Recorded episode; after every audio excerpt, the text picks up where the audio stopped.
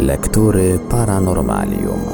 W dzisiejszym odcinku Lektur Paranormalium kontynuujemy lekturę książki Lucjana Znicza zatytułowanej Paleoastronautyka. Książkę rozpoczynającą słynny cykl Goście z kosmosu prezentujemy w odcinkach w całości. Zapraszamy do słuchania.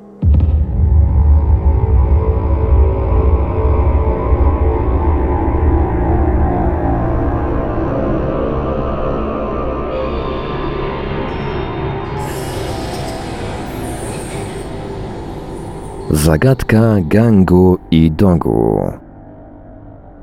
W pogoni za potencjalnymi podobiznami kosmitów na Ziemi nie możemy zrezygnować oczywiście także z klasycznych już dziś niemal figurek japońskich gangu i dogu. Któż o nich jeszcze nie słyszał, ale i któż może się pochwalić, że wie już o nich wszystko do końca? Nawet sami Japończycy, których pytałem o to w Hiroshimie i Osace, czy w Tokio lub Kyoto, radośnie się jakoś uśmiechali i grzecznie kiwali potakująco głową. Znak to, że nie wiedzieli nic. A przecież pierwsze znaleziska tych figurek zostały dokonane jeszcze w końcu ubiegłego wieku. Jedną z pierwszych takich kamiennych figurek, które ochrzczone zostały wspólną nazwą gangu, znaleziono na stanowisku archeologicznym w pobliżu wsi Komukan w prefekturze Aomori. Potem szereg dalszych gangu odkryto wśród przedmiotów codziennego użytku mieszkańców Japonii sprzed kilku tysięcy lat, także w innych wykopaliskach archeologicznych na wyspie Honshu. Są to kilkunastocentymetrowe podobizny postaci ludzkich, albo powiedzmy ściślej człowiekokształtnych, jednak bez kończyn dolnych. Dziś trudno powiedzieć, czy stanowiły one niegdyś całą postać i ich dolna część uległa zniszczeniu, czy też już przez twórców swych rzeźbione były tylko do bioder. Ale nawet ta część gangu, która ostała się do dnia dzisiejszego, jest dostatecznie zadziwiająca. Głowę najstarszych gangu stanowi jednolita, nieco spłaszczona kula, która w miejscu, gdzie się łączy z tułowiem, otoczona jest w dodatku grubym, wystającym kołnierzem. Nic dziwnego, że wielu ludziom bardziej się ona kojarzy z hełmem nurka, aniżeli ze zwykłym kształtem głowy ludzkiej. Podobieństwo to jeszcze bardziej rzuca się w oczy z powodu bardzo szerokich i odstających ramion, które również bardziej sprawiają wrażenie nadymanego skafandra, aniżeli normalnie zbudowanej postaci ludzkiej. W dodatku gangu późniejsze zdobione są bogatą ornamentacją, która na hełmie wydobywa olbrzymie okulary, zaś cały skafander pokrywa charakterystycznymi liniami spiralnymi. Jeszcze dziwniejsze wydają się odnalezione już w dziesiątkach egzemplarzy figurki ceramiczne nazwane przez odkrywców dogu. W pewnym sensie można je zresztą uważać za kontynuację gangu. Są to około 30 cm wysokości puste w środku figurki z wypalonej gliny, przedstawiające najprawdopodobniej te same co gangu człowiekokształtne istoty, ale tym razem w pełnym ich kształcie wraz z nogami. Dogu wszakże, bądź dzięki bardziej plastycznemu materiałowi, bądź większej maestrii twórców, odznaczają się mnóstwem interesujących szczegółów, których nie posiadają gangu. Głowy ich nie są już jajowate, lecz ozdobione na wierzchu, jakby z pieczastym hełmem czy koroną. Część twarzowa również uległa daleko posuniętej ewolucji. Część dogu ma jeszcze na niej olbrzymie owalne okulary, ale z charakterystycznym poziomem przecięciem. Kreska ta wprawdzie bardziej upodobnia do odpowiednio stylizowanych oczu, ale ze względu na ich wielkość stwarza niesamowite wrażenie twarzy bardziej owadziej aniżeli ludzkiej. Również pozostałe rysy twarzy są, mówiąc oględnie, niezwykłe.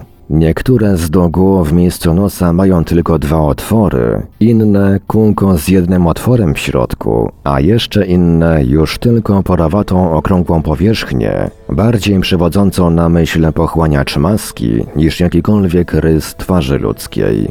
Podobnie ma się rzecz z ustami. Tak jak głowa czy hełm gangu połączona jest z tułowiem wystającym kołnierzem, u dogu z reguły łączy się ona z tułowiem za pomocą poziomego ornamentu, przywodzącego jako żywo na myśl nitowane spojenie metalowego hełmu. Ornamentyka ta suto zdobi zresztą całe, niezbyt naturalne postacie dogu. Mają one bardzo szerokie bary, z których zwisają krótkie, sięgające zaledwie do pasa ramiona, kończące się małymi kikutami bez dłoni. Wśród bogatej ornamentyki korpusu występują wyraźne piersi, lub napierśniki, również otoczone jakby sutonitowanym obramowaniem i wreszcie z znów nieproporcjonalnie rozszerzonych bioder występują krótkie i bardzo grube nogi z szerszymi, niczym nie przypominającymi stopy ludzkiej podstawami u dołu. Nie tylko jednak nie wiadomo, kogo te figurki właściwie przedstawiają. Nie wiemy także ani kto, ani kiedy, ani w jakim celu je produkował. Oficjalna archeologia japońska do dziś waha się na temat istnienia człowieka na wyspach w okresie paleo lub mezolitu. Pierwsze bezsporne znaleziska dotyczą dopiero neolitu, przy czym całą tę epokę młodszego kamienia podzielono na dwa okresy: starszy Jomonsiki i młodszy Jojoisiki. I właśnie wszystkie wykopaliska zawierające gangu i dogu zaliczone zostały do resztek tej pierwszej, najstarszej kultury Diomon. Zabytki jej spotykane są obficie w całej środkowej Japonii, głównie w okręgach Kanto i Tohoku. Sięgała ona jednak również aż po Hokkaido, a także spotyka się ją sporadycznie na Shikoku i Kyushu. I to właśnie wszystko, co o twórcach gangu i dogu w tej chwili wiemy. Już co do ścisłej chronologii istnieje wielka rozpiętość ocen. Jedni z archeologów oceniają wiek figurek na 5000 lat, inni zaledwie na 3000. Wykładowca Uniwersytetu Tokijskiego Mansterbreck w swojej książce pod tytułem Sztuka Japonii stwierdza, iż nie udało się wyjaśnić skąd przybyli do Japonii twórcy kultury Diomon. Nieco odmienne zdanie wyraża w swojej prehistorii Japonii Grut. Cytat. Społeczeństwo, które stworzyło statuetki Dogu, znajdować się musiało pod wpływem jakiejś obcej kultury. Koniec cytatu. Ale zaraz sam swe stwierdzenie poddaje w wątpliwość, dziwiąc się, iż, cytat, Figurki te wykonywano w górzystych osiedlach, gdzie łączność była szczególnie utrudniona, a wpływ kontynentu azjatyckiego niezwykle słaby. Koniec cytatu. Równie zagadkowy według Gruta jest cel produkcji niezwykłych figurynek. Cytat. Nikt nie zna ani przeznaczenia dogu, pisze on dosłownie, ani kogo figurki te przedstawiają. Być może są to postacie bogów albo duchów z nadprzyrodzoną siłą. Koniec cytatu. Czy rzeczywiście jednak zagadka japońskich gangu i dogu jest nierozwiązywalna?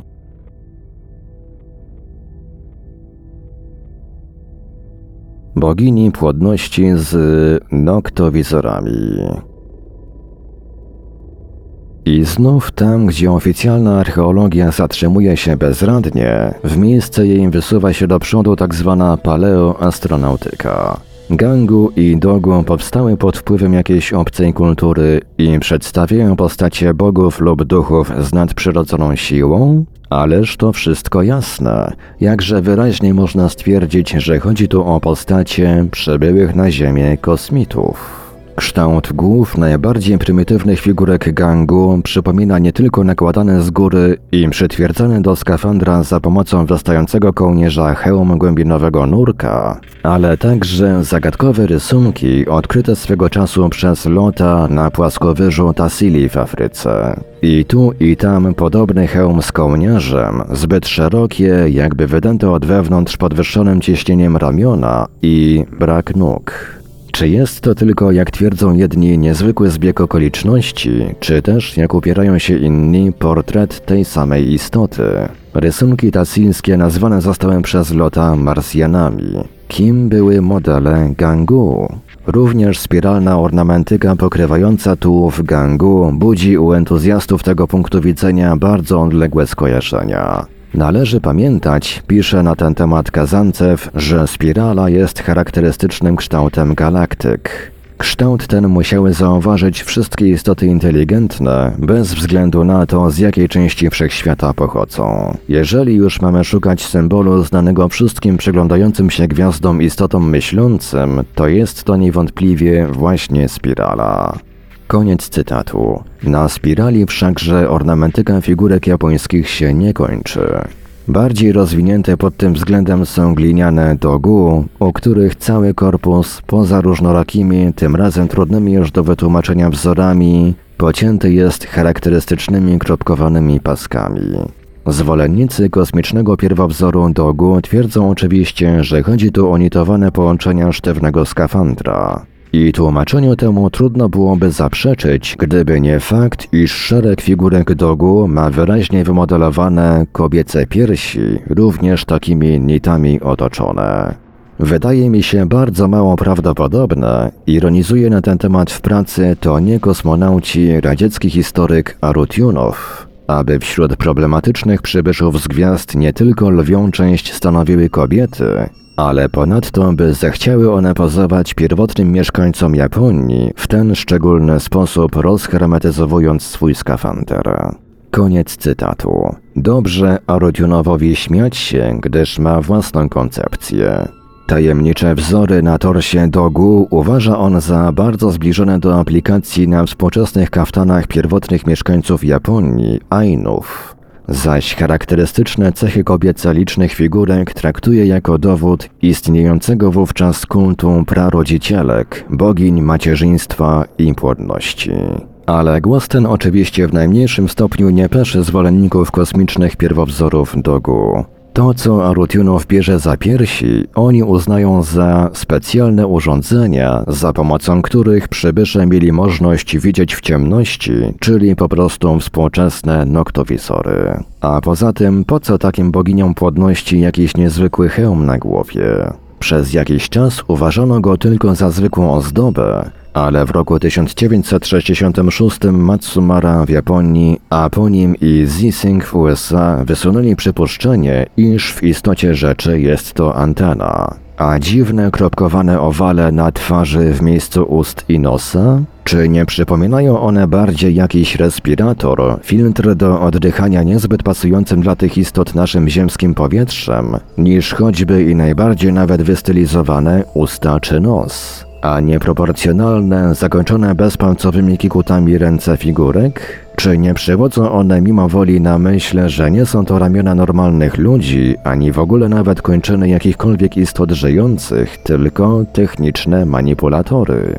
A nieproporcjonalna nie tylko dla każdej kobiety, ale wręcz karykaturalna dla każdego człowieka postać figurek. Czyż nie sprawia to raczej wrażenia, że modelem nie był zwyczajnie ubrany człowiek, tylko istota zamknięta w szczelnie wypełnionym jakimś gazem skafandrze. Tym razem nie ograniczono się zresztą tylko do bulwersujących przypuszczeń. W roku 1967 Zissing przekazał zdjęcie torsu statuetek do technicznej ekspertyzy NASA. A oto odpowiedź tej instytucji.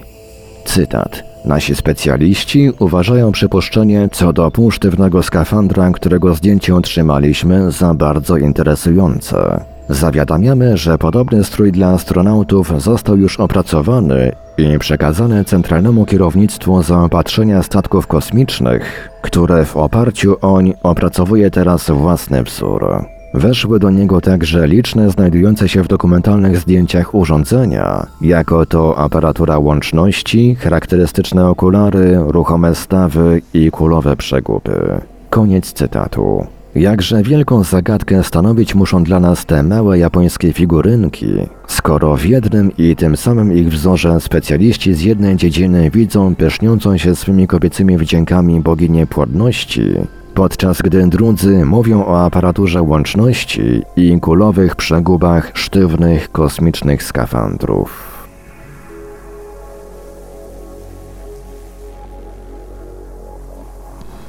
Eskimosi, Ainowie czy Ważki ale już najwięcej chyba sprzeczności wywołał celowo z tego względu pozostawiony przeze mnie na koniec problem okularów dogu. Okularów, a może oczu. Oczywiście może tu być mowa tylko i wyłącznie o okularach. Zastrzegł się bezwzględnie już w roku 1894 jeden z pierwszych odkrywców dogu, japoński archeolog dr Sorogo Tsuboi. Są to po prostu jakieś przykrywki na oczy z wąskimi poziomymi szczelinami, skutecznie osłaniającymi oczy przed słońcem w górskich regionach. Ba, rzecz tylko w tym, że we współczesnej Japonii nigdzie nie przetrwały ani tego typu okulary, ani nawet wspomnienie o nich. Ale za to do dziś okulary takie wykonane ze skóry albo kory z wąskimi poziomymi szczelinami noszą Eskimosi. A ponieważ już Tsuboi znał stare podania pierwotnych mieszkańców Japonii, Ainów, o ludziach pływających w skórzanych łódkach, znów przypominających współczesne eskimoskie bajdarki, łatwo wysnuł stąd wniosek, że Dogu przedstawiają właśnie Eskimosów, którzy pierwotnie ponoć zasiedlali Japonię, a następnie przenieśli się na daleką północ. Wniosek był łatwy, lecz z gruntu nieprawdziwy. Po pierwsze, dalsze badania nie naprowadziły na najmniejszy ślad dowodu, iż Eskimosi kiedykolwiek zasiedlali Japonię. Po drugie, o ile współcześnie używane przez Eskimosów skórzane okulary mają głębokie uzasadnienie wobec olbrzymich śnieżnych pól Arktyki, o tyle nie miały one najmniejszego sensu w cieszącej się przecież łagodniejszym klimatem Japonii. A po trzecie, korzystają pośpiesznie z okazji ostatecznego pogrążenia doktora Tsuboi zwolennicy kosmitów. Mógł on jeszcze wówczas nie znać zasad polaryzacji światła, a już w żadnym wypadku nie mogło mu przyjść do głowy, że okulary te są po prostu schematycznym wyobrażeniem używanych dziś powszechnie przez lotników na wysokich pułapach okularów polaryzacyjnych. Nie śpieszymy się jednak ze zbyt pochopnymi wnioskami. To prawda, że dr Tsuboi nie ma racji uważając, iż pierwotni mieszkańcy Japonii wyemigrowali na północ. Ale dlaczego nie mamy założyć, że pierwotni mieszkańcy Japonii przybyli z północy? Nie byli to z pewnością Eskimosi ani Japończycy, ale wszyscy się przecież zgadzamy, że pierwotnymi mieszkańcami większości wysp japońskich byli Ainowie. A kto wie skąd oni pochodzą? A więc znów Ainowie. Raz już wspomniałem o legendach tego dziwnego narodu, ale jak widać tajemnic wokół nich skupiło się dużo więcej. Ainowie zwali się w starożytności Ebisu lub Emisji. Pisze o nich w roku 1957 w swych dziełach i kulturze narodu japońskiego historyk czeski Hilska. W przeszłości mieli zwyczaj tatuować czoło, szyję, ramiona i wargi. Religią ich było oddawanie czci naturze, a świętym zwierzęciem był niedźwiedź. Z tego powodu, jak również niezwykłego dla Japończyków, przypis Lucjana Znicza owłosienia ciała i zarostu na twarzy, Ainowie byli nazywani ludem niedźwiedzim. Ich pochodzenie i najstarsze dzieje nie zostały dotąd naukowo zbadane. Jest to szczep paleoazjatycki, mający wspólne cechy zwyczajowe i antropologiczne z narodami zamieszkującymi północną Syberię. Prawdopodobna jest hipoteza, że Ainowie przybyli do Japonii z północnej Syberii z dorzecza Amuru przez Sachalin. Koniec cytatu. Zaledwie kilka lat później, w roku 1961, nieoczekiwane odkrycie archeologów radzieckich w pewnym sensie potwierdziło tę hipotezę. Znaleźli oni mianowicie na największej wyspie archipelagu kurylskiego Iturupie w górskiej kotlinie, która zapewne stanowi krater wygasłego wulkanu, wiele kamieni i skał pokrytych znakami i rysunkami. Na razie wprawdzie wciąż jeszcze niewiele o tych znakach wiemy. Nie udało się nawet stwierdzić, czy jest to pismo, czy są to znaki hieroglificzne. Tym niemniej naukowcy radzieccy są przekonani, że autorami tych rysunków są Ainowie. Według tej hipotezy aż do II wieku przed naszą erą Ainowie zamieszkiwali okolice górnego Jeniseju, następnie przesunęli się na południe na tereny dzisiejszej Mongolii, po czym pod stopniowo wzrastającym naciskiem Hunów część z nich wycofała się na zachód i dotarła aż do źródeł Syrdarii, Druga zaś część została zepchnięta na Kamczatkę, a w końcu na wyspy kurylskie i japońskie. W tej sytuacji rzeczywiście Ainowie na Kamczatce mogli zastosować przeciw blaskowi śniegu swego rodzaju szparkowe okulary, w których mogli się pojawiać także w Japonii. Rzecz tylko w tym, że według hipotezy radzieckiej dotarli do niej w II wieku przed naszą erą, podczas gdy dogu są około dwudziestokrotnie starsze to już lepiej nie opierać się przy okularach, znalazł jeszcze jedno, trochę desperackie wyjście. Wspomniany już radziecki historyk Arutjunow, a dziwne owale ze szparami dogu uznać po prostu za oczy. Jeżeli figurki te ustawimy w odpowiedniej kolejności, łatwo przekonamy się, że pierwsze z nich przedstawiają w miarę realistycznie normalną twarz ludzką i dopiero w toku coraz dalej idącej artystycznej stylizacji usta na niej zanikają, nos zamienia się w pochłaniacz maski, a olbrzymiejące oczy zajmują stopniowo większą część twarzy, coraz mniej mającej wspólnego z ludzką, a coraz bardziej przypominającą głowę ważki. Zgoda, nie mają zastrzeżeń co do tego rozumowania zwolennicy kosmitów. Tylko co to znaczy ustawimy w odpowiedniej kolejności? Wystarczy dogu ustawić w kolejności innej, aby udowodnić, że na przykład to właśnie głowa ważki była pierwowzorem dla późniejszych dogu stopniowo upodobnionych do człowieka. Kto może wiedzieć, które z figurek są realistyczne, a które stylizowane? A jeżeli dogu z twarzami ważek są właśnie najwierniejszym naśladownictwem oryginałów?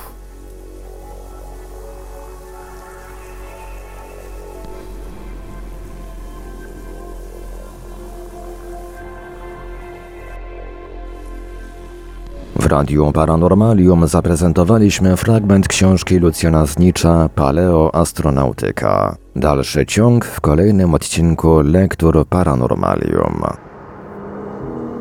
Archiwalne odcinki Lektur Paranormalium znajdziesz do pobrania w archiwum naszego radia na stronie www.paranormalium.pl.